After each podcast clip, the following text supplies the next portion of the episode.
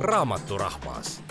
Kuku raamaturahva rubriigis on sel nädalal taas kord külaline, mitte meie tavapärane raamatute tutvustaja, mitte ükski neist neljast, vaid uus inimene ja ma olen palunud raamatuid tutvustama Maris Pruuli, tervist! tere, aitäh kutsumast! no kui peaks nüüd ähm, kuidagi tutvustama, ma arvan, et väga suur hulk äh, Eesti rahvast juba teab, siis äh, no kas me võime öelda, et, äh, et Maris Pruulist on ennekõike saanud selline suur äh,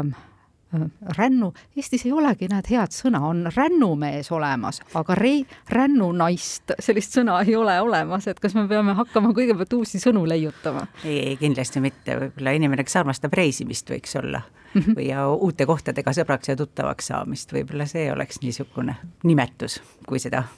tahta panna. aga kui me neid raamatuid äh, täna hakkame vaatama, mis äh, kaasa said võetud, kas need on eeltöö, reisi eeltööraamatud või reisi äh, tagantjärgi lugemise raamatud, sest on inimesi, kes rändamise ja reisimise jaoks teevad väga põhjaliku eeltöö ja see ongi vajalik, kui on keerulised ja pikad ja vastutusrikkad reisid, kus sa pead vastutama nii oma, oma kaaslaste turvalisuse eest kui ka iseenda turvalisuse eest, sa pead teadma, kuhu sa lähed, et sa päris lõvi või jääkaru suhu ei jookseks välja ja ei lõpetaks üsna kurvasti, nagu paljud seiklejad oma elu on ka lõpetanud paraku. või on mõned ka sellised reisid, et sa jääd natukene sinna reisi kinni ja tahaks veel uurida ja veel selle koha kohta ja nende inimeste kohta, kes on enne käinud ja muudkui oledki oma selles äh, rännutsükli sees? no ma, ma olen selle enda jaoks sõnastanud niimoodi, et et pikkadel merereisidel, ka üldse reisidel on ikkagi aeg-ajalt periood, kui, kui sul ei ole midagi vaja teha ja see oleks ideaalne aeg lugemiseks, no merel oleks ka eeldus, et sa ei ole samal ajal äh, merehaige. aga siis mina jaotaksin nagu, nagu lugemise kaheks, et üks on äh, lugemine selleks, et aeg kiiremini lendaks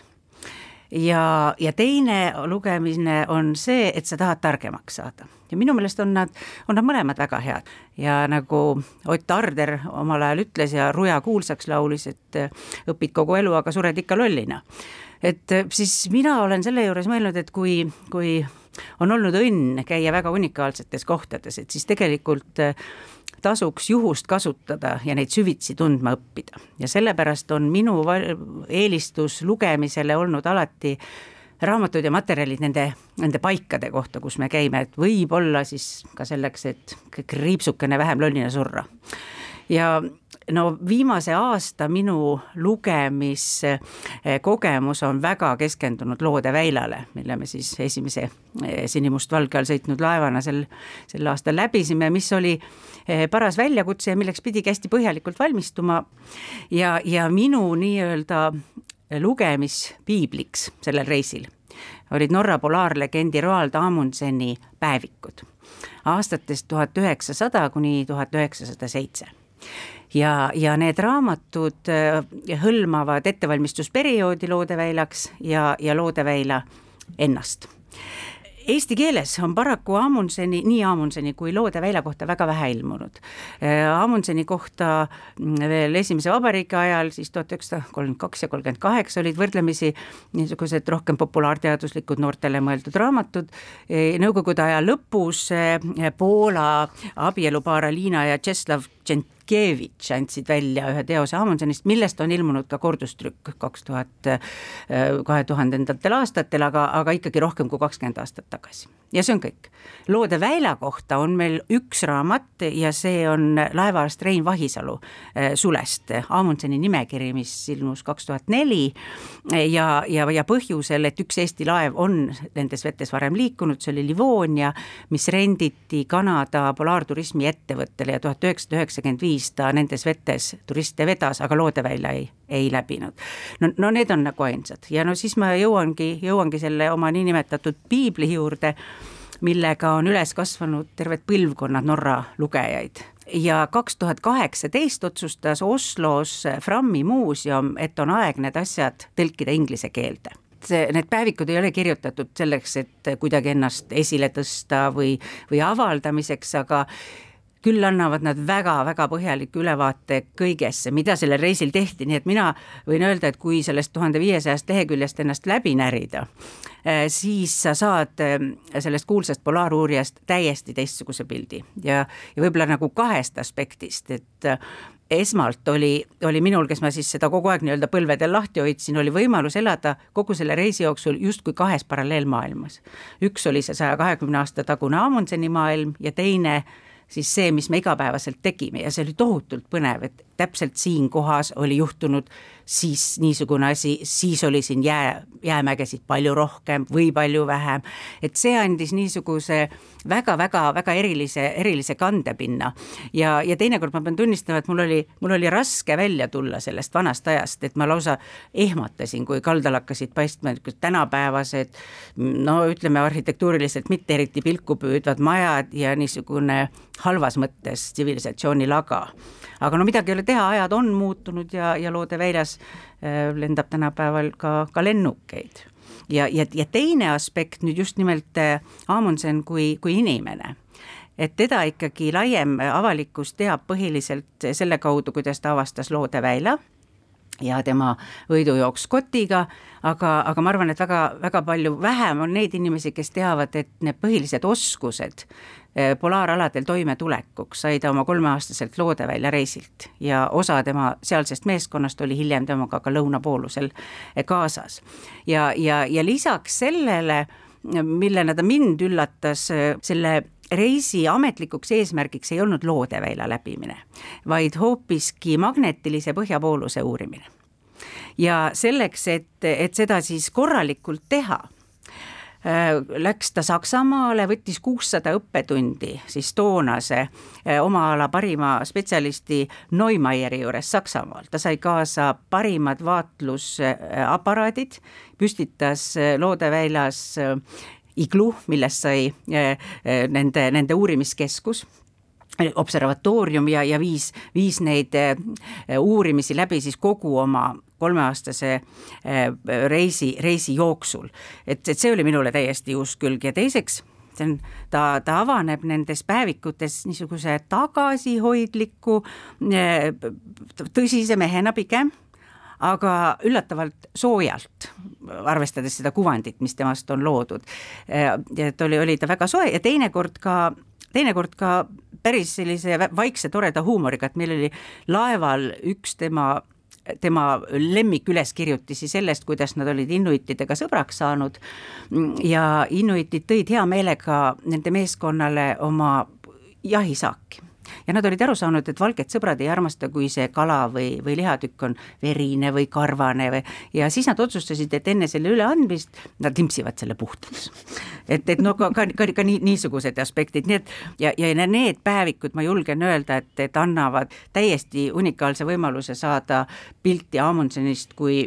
kui inimesest, et see on nagu parim algallikas imeline. aga üks raamat on veel laual ja, ja see ei ole väga kaugel kõigest külmast ja jäisest ei ole, selle, selle raamatu pealkiri on The meaning of ice ehk jää tähendus ja see siis ilmus kaks tuhat üksteist ja, ja, ja annab nüüd tohutult hea pealkir- või ülevaate sellest, mismoodi tajuvad jääd sealsed inimesed, kes on tuhandeid aastaid elanud jääga koos, no sisuliselt jääl. ja, ja annab pildi sellest, mida see neile kõike pakub, peavarju, jää on neile maanteeks teiste külade, teiste väga harva, harvade asunduste juurde. jää annab neile võimaluse küttida toitu eh, sellesse raamatusse on kogutud erinevate kogukondade rohkem kui neljakümne inuiti eh, jutt, lood, eh, kus nad siis annavad ülevaate selle, selle väikese rahva traditsioonidest, nende suulisest pärimusest, toidust, elust, uskumustest, mismoodi õmmeldi nahast rõivaid, mismoodi pidutseti, mis, mismoodi, milline oli nende keel, et millel see põhines, ainuüksi mm, jää enda kohta on neil üle viiekümne termini, mis erinevaid jää, jääolekuid iseloomustavad. E, ja, ja mina ütleksingi, et see annab ja see annab täitsa täiesti kirjeldamatult hea sissevaate elustiili, mis on, on tegelikult kadumas aga mida meil oli õnn veel servapidi näha, me kohtusime inimestega, kes, kes on ise igludes, igludes üles kasvanud, aga, aga need on juba vanemad inimesed ja ilmselt see enam tagasi ei tule. ja, ja mina hindasin seda raamatut just sellepärast, et, et ma tundsin, et see loetu andis meie kohtumistele nendega sügavust ja, ja võimalust, võimalust palju paremini kaasa rääkida ja ka palju rohkem küsida. nii et, et ma ütleks nii, et kui lühidalt, et kui see meie meie valdav suhtumine siin jäässe on, et linnud läinud lõunamaale, lilledel on surmakuu võtmes mm, -hmm. et siis inuitid ütlevadki, et jää, see on meie elu ja ta on soe, mis meid väga üllatas ja nad seletasidki, et kui sa iglu püstitad merejääle, siis seal on oluliselt soojem kui seal, kui sa püstitaksid selle külmunud, külmunud maapinnale ja, ja, ja mis mind nagu väga rõõmustas ja mis oli tore, tore aspekt, et et ta andis meile võimaluse tajuda, et ka kõige ekstreemsemates oludes on uskumatult palju normaalset ja rõõmsat. ja et inimsuhted ja armastus ei küsi, kui, kui missugusel eh, laiuskraadil sa oled või, või kui palju väljas parasjagu külma on no kurvema poolena võib-olla andis ta pildi ka sellest, et kui habras tegelikult see keskkond on ja, ja, ja kuidas ta, kuidas ta kadumas on. kas sellest, kui habras äh, on meie maailm, saab ka värskes enda kirjutatud raamatus äh, olema juttu, Maris? Ma väga tahaksin loota, et, et et see, et see annab vaate sellesse väga unikaalsesse piirkonda, kus, kus eestlasi mõistetavalt ongi väga vähe käinud. Ja, ja me olime tohutult rõõmsad, et, et me kohtusime just nende inimestega, et me olime, mõnikord me olime natuke natuke kurvad, me püüdsime seal meeskonda vahetada ja arusaadavalt selles, selles kliimas nendes kohtades on mõned kohad, kus väikelennukid lendavad, aga ikkagi vastavalt ilmaoludele. ja alati nad ei lennanud ja see me alguses, me olime natuke mures, et, et meil tekkisid pikemad peatused, kui me olime planeerinud, et kas me jõuame enne uue jäätumise algust sealt välja, aga teisalt andis see meile täiesti haruldase võimaluse